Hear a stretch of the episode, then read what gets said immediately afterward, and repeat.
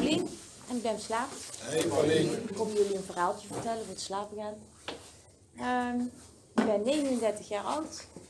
Ik ben eh 14 augustus t- eh, 2016, dat is mijn hersteldatum. Ehm, ik ben in Den Bosch geboren. Ehm, we waren met zes kinderen en een moeder. Ik ben de jongste. Ehm, ik weet niet hoe dat eruit zag, zo'n compleet gezin. Want ehm, wat ik me kan herinneren is dat ik met één broer en één zus geleefd heb. En eh, een stiefvader, zo heet dat. Maar ik beschouw hem gewoon eh, als mijn vader. Want ik weet niet beter dat hij voor mij altijd gezorgd heeft. En eh, daar ben ik heel blij mee met Henk, heet hij. Ehm, Henk die kwam uit Os, dus wij zijn van Den Bosch zijn we op een gegeven moment naar Os verhuisd. En ehm, voor mij was dat een beetje een redding, omdat ik eh, in de Hambaken waar ik vandaan kwam, hadden we een hele nare achterbuurman. En eh, ja, die deed dingen met mij en ook met mijn zus bleek achteraf die eh, niet door de beugel kunnen. Dus ik zag het echt ook een beetje Henk als een redder, zeg maar. Dus dat is de man die mij gered heeft en mij heeft weggehaald daar uit die nare wijk in Den Bosch. Ehm, ik heb als kind altijd wel iets gevoeld dat ik anders was. En eh, ik voelde me ook vaak niet begrepen. En er was best wel veel eh, ellende, eh, spanning in het gezin, kan ik beter zeggen. Want ik was nog te, klein om het allemaal te begrijpen. Maar wat ik wel wist is dat mijn moeder met een man met wie ze ooit getrouwd was, daar had ze dus vijf kinderen mee. Ik was van een andere vader, niet van Henk, maar ook niet van hem. Dat komt dadelijk. En eh, er was altijd ruzie aan de telefoon, een huilende moeder. En, of een eh, gefrustreerde moeder die dan weer aan de tante heel het verhaal deed. En ehm, ik, ik, ja, ik was daar heel gevoelig voor. En ehm, het voelde net of het ook mijn pijn en mijn verdriet was, zeg maar. Ehm, kijken, ja, de basisschool ging op zich wel oké. alleen ik was toen al, had ik wel al probleempjes met leren. Eh, dat beetje huiswerk wat je op de basisschool kreeg, dat lukte al niet. En op een gegeven moment hadden we dus afgesproken dat eh, ik kreeg een schriftje mee. En dan moest mijn moeder elke dag in kijken. En dan wist ze wat mijn huiswerk was. En dan moest ze een handtekening eronder zetten als het gelukt was. En als dat de hele week goed was gegaan, dan kreeg ik als beloning dat ik vrijdagmiddag in de kleuterklas mocht meehelpen. Dus ik moest al beloond worden als ik zeg maar goed gepresteerd had. En dan lukte het wel. Ehm, maar even denken, voordat ik, ja, ging naar het voortgezet onderwijs. Ik heb eh, twee keer groep 7 gedaan en groep 8 hoefde ik niet te doen. Dus ik kwam ook in één keer uit eh, ja, ik bleef zitten. Groep 8 hoefde ik niet te doen, want het was toch al bekend dat ik iets met mijn handen moest gaan doen. Dus eh, ik ging naar het voor, voortbreid beroepsonderwijs, met Ruivert. En ehm, ja, ik was toen 12 en mijn zus die was eh 15 en die raakte zwanger. Die was 16 toen ze het kindje kreeg. En ehm, ja, er, werd wel heel veel, er ging heel veel aandacht naar haar. Ehm, mijn zus woonde nog thuis en wij sliepen op de zolder. En, en ze was op een gegeven moment hoogzwanger. En toen eh, kwam mijn moeder ook op de zolder slapen omdat ze niet helemaal lekker was of zo. En ik deed net alsof ik sliep. Maar ik was een gesprek aan het afluisteren. En toen hoorde ik mijn zus in één keer tegen mijn moeder zeggen: Ja, maar hoe ga je dat Paulien dan ooit nog vertellen dat ze een andere vader heeft als ons? Want ik wist dat niet. En toen was ik dus twaalf en toen hoorde ik dus: Ja, van hè, heb ik een andere vader als jullie? Ik snapte er helemaal niks van. Ehm, dat heb ik op school eh, tegen mijn uh, verteld, maar er werd niet heel serieus op gereageerd eigenlijk. Er werd ook helemaal niks mee gedaan. En toen heb ik daar een jaar mee gelopen. En toen liep ik met mijn zus eh, terug van de stad naar huis. Zij al achter de kinderwagen inmiddels. En toen zei ik in één keer, ik weet dat ik een andere vader heb als jou. En die schrok natuurlijk heel erg. En die zei, ja, we zijn zo thuis, dan ga je met mijn mama eh, in gesprek.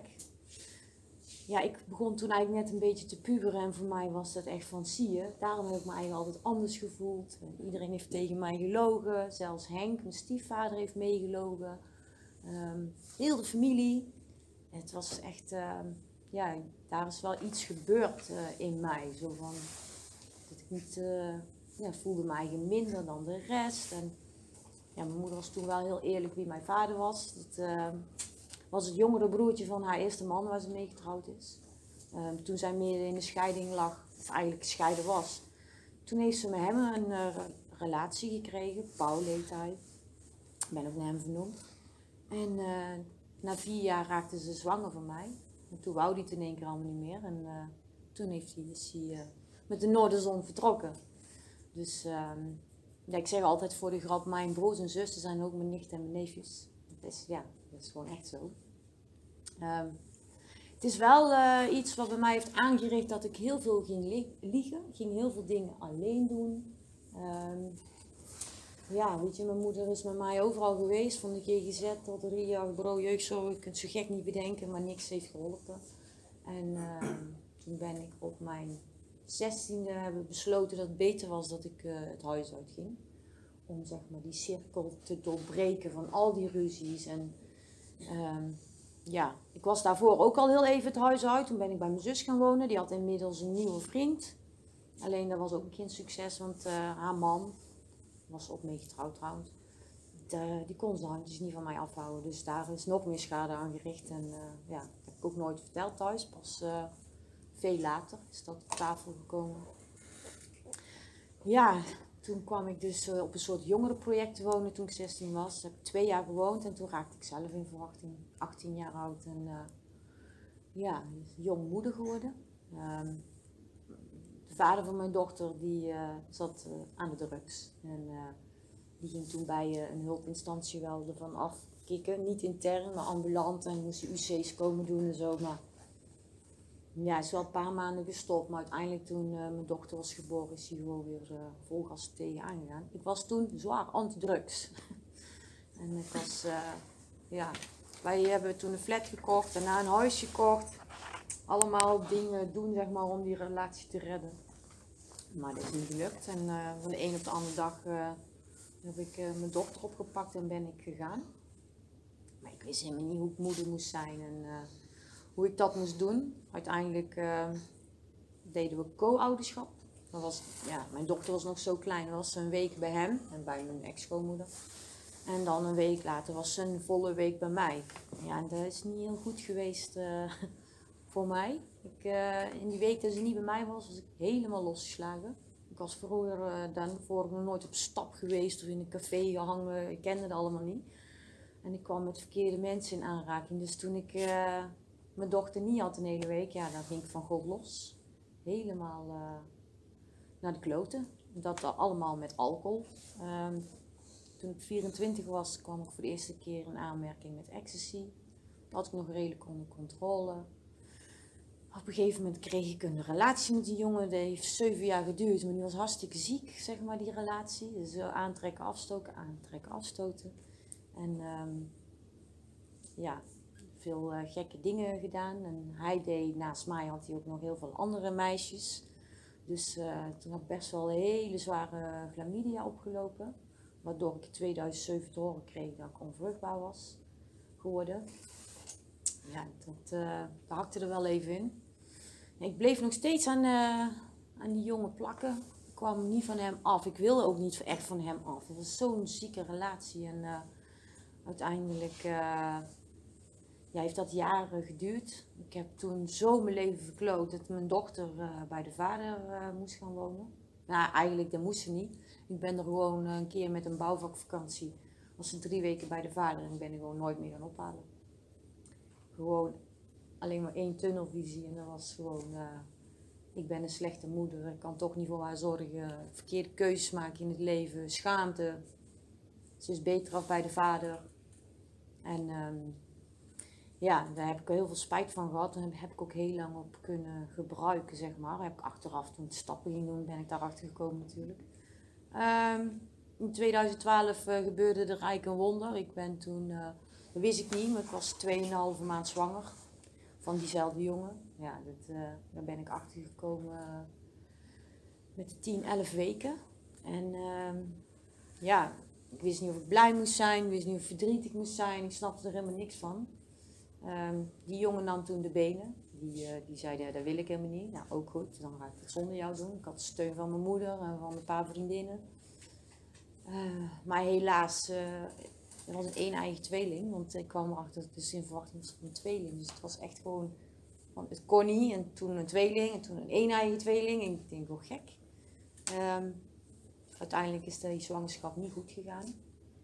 Daar heb ik, al, ik wel vrede mee. Want uh, ik denk dat de moeder natuur iets heeft besloten voor mij, zeg maar. Dat de kindjes niet gezond waren. Alleen de manier waarop ik die miskraam heb gekregen was wel uh, heel erg verdrietig. En heeft ook weer een trauma veroorzaakt.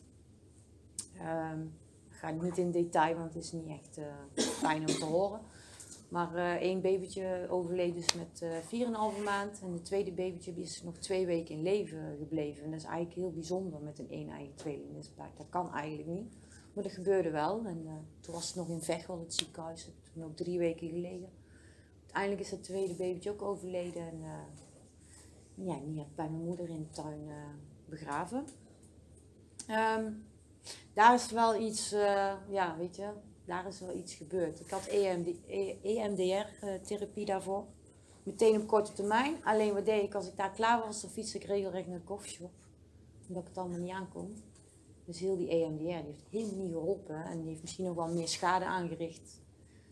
En uh, dat heb ik zelf gedaan natuurlijk. Uh, ja, ik werkte in een cafeetje op een gegeven moment. En kwam ik met, ik weet niet of ik echt middelen mag noemen trouwens. Oh, toen kwam ik met een andere drugs in aanmerking waar ik altijd van gezworen heb dat ik daar never nooit niet ging doen. En uh, ja, weet je, dan ging de kroeg dicht en dan ging Paulientje netjes naar huis. Alleen ik wou ook eens een keer uh, met heel de bubs mee. En uh, ja, toen heb ik dat een keer gedaan en ja, toen was ik wel verliefd, denk ik wel, dat ik verliefd was, ja. En in het begin kon ik nog het, halen, het halen en bewaren of zo, tot het weekend erop. Maar op een gegeven moment betrapte ik mezelf erop dat ik het een keer op een dinsdag uh, tevoorschijn pakte wat ik had bewaard. En dat ging uh, nutten. En toen dacht ik, dit is eigenlijk niet goed. Dat wist ik al, maar ik ging toch gewoon door. Um, nou, die ene kroeg waar ik werkte, ging dicht. Toen kwam ik in een ander kroegje te werken. Dat een super fout kroegje. Waar heel veel dealers rondlopen ook. En uh, ja, ik ben daar helemaal los gegaan. Hard werken ook, maar uh, steeds meer werken. Ik denk, ja, als ik werk, dan kan ik het ook meer bekostigen. Ik kwam in de ziektewet bij een andere baan. Dus ik had eigenlijk twee inkomstenbronnen. Dat was ideaal. Zwart werken en een ziektewet. En uh, ja, ik was wel al mijn pijn en verdriet aan het wegdrinken. En met andere drugs ja, aan het onderdrukken eigenlijk. Um, op een gegeven moment uh, kwam ik uh, in de kroeg en toen zat daar een meneer aan de bar. Ja, dat was wel, ja, was ik wel meteen helemaal houten de boter van eigenlijk. En ehm, we leerden elkaar een beetje kennen en toen merkten we al snel dat wij van hetzelfde kaliber waren. En we hadden geen geheim, want hey, we konden samen gezellig gebruiken. Dat is fijn, ik hoefde niet stiekem te doen. En ja, toen ging het wel in één keer heel hard. En ja, gingen mensen dood in mijn omgeving. Zelfs al, we hadden zelfs een begrafenis uh, op een vrijdag. En precies een week later hadden we weer een begrafenis. Eentje harddrugs en de andere alcohol. En toen ben ik wel gaan denken van jeetje man. Bij uh, die ene man waren er 1500 mensen op zijn begrafenis. En een week later zat ik weer op een begrafenis en, van een vrouw, een alcoholiste. En dan konden we net 40 mensen bij elkaar krijgen. En dat contrast, dat heeft echt iets met mij gedaan. Dat heeft me heel echt geraakt op mijn ziel of zo. En uh, ja, toen is er wel denk ik al uh, ingezet bij mij van, hé, hey, ik wil dit leven niet. Het is, of bij mij is het een of het is het ander. En uh, ik heb een dochter van inmiddels uh, bijna 16. Wat ben ik aan het doen? Dus het was wel aangewakkerd van, ja, maar ik wist niet hoe en wat en waar. En veel ruzie ook uh, met Erwin. En uh, ja, van de een op de, ik werd op een gegeven moment ochtends wakker. En ik weet niet wat er is gebeurd, of ik gedroomd heb, of er iets in mijn mind heeft bezocht in, toen ik sliep. Maar ik voelde zo'n oergevoel, zo krachtig in mij. Angst was er wel, maar had, was een andere angst of zo. En ik belde mijn broer op emotioneel nog steeds van. Ik zeg, Roy, ik kan niet meer, ik ben op. Ik heb echt hulp nodig. Want anders ga ik ook niet oud worden. Dan, uh, ik had ook nog in het ziekenhuis tussendoor gelegen. Ze dachten een longembolie. Dan bleek dat ik helemaal mijn profiel en die, pijpjes die had ik helemaal kapot uh, gemaakt door drugsgebruik. En gewoon weer vol gas tegenaan na twee weken. Dus niks hield mij tegen. En die ochtend, ik weet niet. Zelfs mijn kind kon mij niet dat gevoel geven dat ik ermee moest stoppen. En die ochtend voelde ik dat zo sterk. Ik denk, ik moet hulp. Dus mijn broer gebeld en mijn beste vriendin. En het eerste wat ik moest doen was, hij, dus ja, Erwin moest de deur uit. Want ik denk, wij houden het bij elkaar in stand. We hadden het al wel eens een keer geprobeerd. Weet je, we gaan niet ons vakantiegeld, we gaan leuke dingen doen. En binnen een week was van allebei uh, ons de vakantiegeld weg. Gewoon. Dus dat proberen, dat ging hem echt niet worden. Ik moest dit alleen gaan doen. Zo, dat dacht ik toen nog. Ik moet dit alleen gaan doen. In ieder geval zonder hem. Ja, dat ging niet, uh, ging niet gemakkelijk. Want ik wilde eerst niet gaan. En toen hij weg was, ging hij ook nog een beetje zitten dreigen. Dat hij naar mijn ouders zou gaan en alles zou vertellen. Ja, doe maar. Ik heb niks meer te verliezen. Maar dat heeft hij gelukkig niet gedaan. Ehm, mijn ouders stonden op het punt om op vakantie te gaan. En ik zei tegen mijn broer, als we dit niet vertellen, dan gaan ze niet. En dan is mijn vader boos op mijn moeder dat ze niet op vakantie wil. En toen zei hij, ik denk dat het ook wel slim is dat we ze eerst mooi naar Kroatië laten gaan. En als ze dan terugkomen, hebben we al iets dat we kunnen laten zien. Want kijk, weet je, Pauline heeft hulp gezocht. Dus zo gingen we doen. En uh, dat is ook gelukt. Mijn moeder kwam terug van vakantie. Ik uh, was nergens te bekennen, want ik denk, dat mag hij vertellen. Zoals hij eigenlijk heel mijn leven altijd al alles moest oplossen en vertellen aan mijn moeder. Dus mijn moeder komt binnen en hij zegt, mam, ga maar even zitten. En toen, ze wist het al, ze zegt, vertel me wat er aan de hand is. Nou, Pauline is heel erg drugsverslaafd. En, uh, en mijn moeder had altijd alles van mij verwacht. En ik heb echt vaak mezelf in de nesten gewerkt, maar ze had nooit verwacht dat ik zo'n groot probleem had met drugs en alcohol. Nooit. En uh, ja, ik moest nog drie maanden wachten voordat ik naar de kliniek kon. En hij kon eerder. En binnen twee weken al. Keiloers. Ik denk, ik wil het en hij wilde het niet en hij is al weg. Godverdomme. Dus uh, toen heb ik hem op Schiphol afgezet samen met mijn broer en zijn moeder. En toen ik thuis werd afgezet ben ik gewoon regelrecht weer naar de dealer gefietst. En ik denk, nou kan ik nog een keertje. Daarom hebben we ook drie weken clean tijdverschil. Daar houdt hij me altijd mee voor de gek. Ja, toen ben ik uh, naar de kliniek gegaan. Heb ik drieënhalve maand gezeten. En toen was ik ook heel bang om naar huis te gaan. Ik wist het niet. Ik moest nieuwe mensen leren kennen. Het was geen twaalf stappen kliniek. Dus ik wist helemaal niet, dit, ik wist niet dat dit bestond, zeg maar. Alleen uit films. En uh, ja, ik denk, hoe ga ik dat doen? Ik kan slechts in de rij van de kassa denken van, nou, die vind ik wel aardig. Die mevrouw wil je bij mij koffie? Ik wist het echt niet. Ik was echt herboren. En dus ik moest alles weer een plekje gaan geven in mijn leven. En enige wat ik wel wist was, deze structuur moet ik gaan vasthouden. En ik wist ook al, voordat ik naar de kliniek ging al, ik kan nooit meer iets pakken. Nooit meer. Dat voelde ik ook heel sterk. Uh, en dat heb ik tot de dag van vandaag gelukkig ook volgehouden. Dat gevoel zit er nog steeds heel sterk. Um, uiteindelijk waren wij een maand of zes uit elkaar en toen dacht ik van ja, ik mis hem eigenlijk, maar mis ik hem of mis ik, is dan mijn verslaving die praat van hey, zoek hem op. En dan, ik wist het niet, maar ik wilde dat wel gaan onderzoeken. En uh, dat heb ik ook samen met die instantie gedaan, zeg maar, uh, waar ik toen liep. Ik denk dan is het veilig. En toen bleek toch wel dat wij uh, ook zonder drugs wel heel veel voor elkaar voelden, maar wel wisten van rustig aan. En jouw herstel is jouw herstel en mijn herstel is mijn herstel. Dus uh, hij nam mij wel mee naar een meeting, de eerste. Toen ging ik voor de eerste keer naar een meeting. Ja, waar iedereen eigenlijk zegt, zweverig en blijf maar van me af, doe maar niet. En uh, hoezo willen ze allemaal knuffelen, ik ken jullie helemaal niet. Wat goed dat je er bent. Wie ben jij man? Dus praat je, wat doe je nou blij man, je kent me niet. Dat dacht ik allemaal, dat zei ik niet. En, uh, maar toch was er wel iets, ik denk, hé, hey, die zijn net als mij. Dus dat vond ik wel heel fijn. Gelukkig kwamen in Os ook uh, steeds meer meetings, dus die ben ik ook gaan bezoeken. Maar ik ging nog steeds niet echt commitment aan.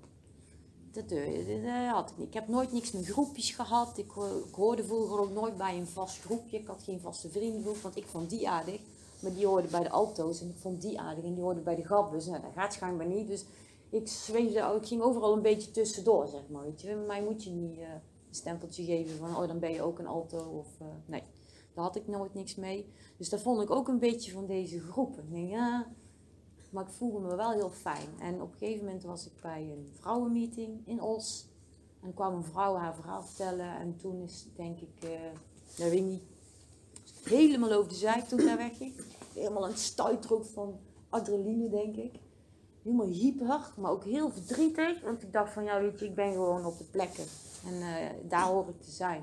En die vrouwen die al langer in een stel zitten, die kunnen mij iets vertellen. Die kunnen mij bepaalde antwoorden geven. Of zeggen van waar ik dan, ja, welke weg ik een beetje. Die kunnen mij een beetje een duwtje geven of zo. Die kunnen ook zeggen als ik heel dom bezig ben, weet je. Dus um, ja, toen uh, op een gegeven moment werd ik gevraagd uh, door een uh, meisje, of een vrouw, meisje, wat verschil. Er werd ik gevraagd door een vrouw of ik mee wilde doen aan een Woman Recovery Clubje. En dan uh, gingen we om de twee weken bij iemand om de beurt thuis. En ik denk, nou, dat is al helemaal niks voor mij, maar ik ga dit gewoon doen. Want ik voelde mij wel eigenlijk uh, vereerd. Want ik zat helemaal niet echt in het programma. En toch werd ik daarvoor gevraagd. En ik nou, en dat was goed voor mij, want ik liet niemand in mijn huisje. En ik denk, en dan, ik schaamde me of zo nog steeds. Dat was mijn gebruikershol nog steeds. Dus ik, ik weet niet denk, dat is goed voor mij. Maar uh, dat heb ik een half jaar gedaan en toen begon het al een beetje zo van, hmm, dit is niet echt voor mij weggelegd. Maar wat wel is gekomen door, die, door, dat kleine clubje. Op een gegeven moment had ik dus vragen en dan kreeg ik wel een antwoord, maar dan kreeg ik ook door, ja, maar staat in het boek. En elke keer als ik iets vroeg, ja, maar als je dan aan de stappen gaat beginnen, dan... Uh, dus ik denk, ja, het lijkt wel één groot promotieteam, weet je. Maar toen dacht ik, weet je, ik moet het maar eens aangaan. En uh, toen heb ik die beste meid als sponsor gevraagd. En toen ben ik in de stappen begonnen. En toen was ik een jaar of anderhalf jaar clean of zo. Ik weet niet meer precies. Dus ja, maar wel altijd naar de meetings gegaan. Omdat ik daar echt die verbinding voel. En uh, ja, weet je, ik heb uh, heel veel van de stappen geleerd. Totale overgave, daar kwamen we al heel snel achter. Dat had ik al. En dat is toch, ja, dat hogere machtgevoel dat was eerst een jongen die overleden was. En toen was het een beeldje die ik überhaupt ooit van mijn dealer heb gekregen. Een boeddha. En uh, toen had ik mezelf echt wijsgemaakt. Sinds ik die boeddha in huis heb, is volgens mij een beetje begonnen dat ik het allemaal niet meer zo leuk vind, drugsgebruik. Dus ik, weet je, als ik maar iets had waar ik in kon geloven. En uiteindelijk uh, ben ik er wel achter gekomen dat uh, mijn hogere macht, die, ja weet je, ik, ik ben geboren met een ziel van iemand anders. Ik denk dat, de, dat geloof ik in, dat de zielen elke keer weer bij, als iemand doodgaat, dat dat weer bij iemand anders weer terechtkomt. En uh, ik heb een oude ziel. En die is helemaal, uh, die was helemaal bekwapt of zo. Die had een vieze kwap omheen en een dikke viezigheid. En dat is. Zo voelde dat mijn leven, allemaal kut. Maar die ene ochtend, toen ik dus aan de rand van mijn bed zat, denk ik dus dat er iets is gebeurd. Waardoor er net een klein fris geel, zacht roze lichtpuntjes of zo is gekomen. En daar heb ik alle kracht uitgehaald om in herstel te kunnen komen. En um, door te stappen te werken, maar ook uh, eh, EMDR voor mijn trauma's en uh, open en eerlijkheid. En om anders in het leven te staan en mijn angsten aan te gaan, wordt die viezigheid, die wordt, mijn ziel wordt steeds een beetje schoner, omdat ik de goede keuzes maak in het leven. En er zullen altijd een paar zwarte vlekken op blijven zitten, want dat zijn gewoon grote, heftige beschadigingen. Maar dat is mee te leren leven. En dat lukt ook, zeg maar. En dat mag. Dus ja, dat is voor mij ook het, van het onderbuikgevoel, weet je. Dat je instinct iets al duidelijk maakt. Of dat je een gevoel krijgt en dat je eigenlijk al het antwoord weet. Maar mijn hoofd, die maakt dat ik ga twijfelen. Dus probeer ik ook echt terug te gaan of te gaan bellen met iemand. Van, hé, hey, dit gebeurt er nu. Ja, dat is voor mij mijn hogere macht. En uh, toeval ook niet. Toeval bestaat niet. Dus weet je, dat je denkt, ah, dat is toeval. Nee, weet je, mensen komen op een bepaald of ja, bepaalde ingevingen. Dat is voor mij hogere macht. Ik ben lang mee gestruggeld met een hogere macht, maar ja, weet je, dat zit gewoon in mij en dat wordt dan wel aangestuurd van buitenaf. En dat weet ik niet wat het is, maar hij doet zijn werk en goed ook. Dus daar ben ik heel blij mee. Um, ja, in augustus vijf jaar clean. Ik voel me nog steeds een nieuwkomer, zeg ik eerlijk. Ik ben geen herstelkoningin, ook geen guru. Dus uh, ik ga hier niet allemaal uh, verhalen aan jullie vertellen van eh, ik mediteer elke dag, dit, dat. Nee, doe ik niet. Dat kan ik drie maanden doen en dan doe ik het in één keer weer niet. En dan voel ik mij weer kut. En dan ben ik mijn sponder. En dan zegt ze, ben je nog dankbaar? Oh ja, oh ja, dankbaar. En dan moet ze mij even een keer wakker schudden. Weet je wel, zo ziet mijn herstel eruit. Maar mijn basis is goed. Weet je, ik kom voor mezelf op. Ehm, ik kan nog steeds zo'n bang vogeltje zijn, maar ik spreek het uit en ik ga het aan. Eh, ik ben heel erg open, maar dat ben ik altijd wel geweest. Ik vertel altijd alles aan iedereen. Het is niet altijd even goed, maar ja, weet je, dat, zo ben ik nou eenmaal. Ik ben eerlijk. Als ik niet eerlijk ben, dan ga ik het rechtzetten. Dus ik mag op dingen terugkomen. Dat is, mijn, dat is wel mijn basis. En ik mag zeker de boodschap uitdragen. Daar heb ook mijn werk van mogen maken. Dus dat vind ik wel uh, ja, heel fijn. Mijn werk voelt ook niet als werk. Ik mag daar gewoon helemaal mezelf zijn. Ja. Dus ik heb ook niet zeg maar uh, wat ik vroeger had. Als ik dan uh, iets had in de privésfeer, dan ja, dan liep ik er niet lekker bij en dan wil je daar op werk delen. Maar dan zei de chef van ja, nee, dan moet je afspraak maken bij de bedrijfsmaatschappelijk werker. En dan moest ik dan een week op wachten. Ja, dan hoeft het al niet meer, weet je. En nu mag ik s ochtends gewoon vertellen, nou ja, ik heb kut geslapen. En uh, ik zit er niet lekker bij en ik ben verdrietig of uh, net wat. Maar ik mag ook vertellen als het wel is, goed gaat. Dat is gewoon een vast onderdeel van mijn werk. Gewoon onderling aan het met personeel vertellen hoe zit je erbij. Zodat je lekker de dag kunt beginnen, zeg maar. En, uh, ja, ik weet niet zo goed wat ik allemaal wat moet vertellen, want uh, ik ben wel trots, maar dat vind ik wel af en toe nog moeilijk. Of nou, dat vind ik gewoon moeilijk om toe te laten. Want ik heb wel soms nog het gevoel van, ja, hoe het nu is, had het misschien al twintig jaar geleden moeten zijn. Maar ja, dat is toch een dingetje, weet je. De, maar dat is niet. Dit is mijn pad geweest. En uh, als ik dit, wat ik allemaal heb meegemaakt en wat ik mezelf heb aangedaan, als ik dat niet had gehad, dan had ik ook nu niet op deze stoel gezeten. En uh, het mooiste wat ook nog is eigenlijk, mijn dochter is inmiddels, wordt november 21. Um, ehm, ja, die heb ik heel veel pijn en verdriet gedaan. Uh, dus zowel weekends bij mij was me, ja, dat mijn moeder gewoon uh, levenloos op de bank lag en mijn mama weer ziek. En, ja, toen ik haar eerlijk ging opbiechten dat ik naar een kliniek moest, en het was ze 16 dan bijna toen vielen voor haar alle puzzelstukjes uh, samen. En zij zei toen al, mama, ik ben niet boos. Ik ben echt niet boos op jou. Dat kan ik niet, maar ik ben wel heel erg teleurgesteld. En uh, ja, dat was heel verdrietig. Ik denk, ja, dat mag ook echt kind, weet je. Ik heb haar echt beschadigd. Zij is... Uh, zij was vorige week uh, zelf 18 maanden clean. Ze is inmiddels is zij naar een kliniek gegaan voor de jeugd, voor gedragsproblemen. Eh, social media verslaving, uh, aandachtsverslaving, hoe je het ook wil noemen. Dat was wel heel erg. Ik voelde mij daar natuurlijk uh, schuldig over. Ik had daaraan bijgedragen. Maar uh, doordat zij naar de kliniek is gegaan, zijn wij nog dichter naar elkaar toegegroeid. En uh, we kunnen de verloren tijd niet inhalen. Maar hoe we het nu doen, dan zijn we samen goed bezig. En uh, met mijn vier jaar kreeg ik het mooiste cadeautje wat ik ooit in een stel heb gehad. En, uh, ik ben niet het goede voorbeeld geweest, maar ze zei ik kan me geen betere moeder wensen dan dat ik de afgelopen vier jaar gehad heb. En als je kind dat tegen jou zegt, dan, ja, voel ik wel trots. En, ja, daar ben ik wel heel blij om. Dat die woorden naar mij uitgesproken heeft. Want daardoor ben ik ook ander gedrag na vertonen. Meer als een moeder gaan optreden. Dat vind ik soms nog eng. Ik wil geen ruzie. Weet je, er zit nog wel iets waar we aan mogen werken. Maar ja, zo zal altijd iets in het leven zijn waar ik aan mag werken. Het is, ik denk ook dat dat gewoon bij het leven hoort. Nou is vorige week mijn oom overleden. Ja, dat is niet leuk. Maar ja, ik moet daar aangaan en dan mag er verdriet zijn. En, uh, ja, dat is niet erg. Nu weet ik hoe ik daarmee om moet gaan. Ja. Ik denk dat ik wel heel eind, uh,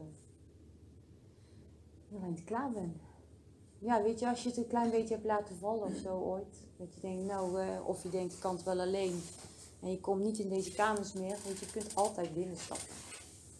En eh, ik kan je vertellen, als je weken of maanden niet bent geweest en je komt weer binnen, oh, dan is het gewoon thuiskomen. Dat eh, dat is heel fijn. En het is helemaal niet erg dat iemand jou dan een schot om je kont eh, moet geven. Het wil niet zeggen als je in herstel zit, dat alles dan maar in één keer perfect mag zijn. Nee, het enige wat telt voor mij is, pak die eerste niet op. En heb je zucht, ga bellen. Of ga bij iemand op bezoek. Of loop ergens naar binnen bij mensen hier in Uden, een hele leuke kerk. eh. ja, weet je. Ga, ga zoek, zoek die contacten weer op dan. Ja. Dankjewel voor het luisteren. Dankjewel.